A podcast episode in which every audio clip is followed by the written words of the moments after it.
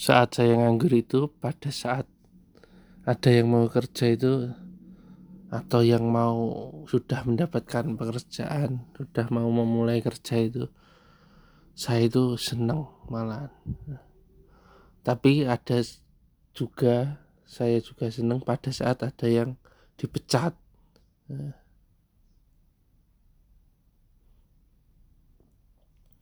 saat dipecat atau resigen atau nggak punya pekerjaan itu saya juga senang juga. Jadi sama-sama senang nah saya senang ada yang teman saya kerja itu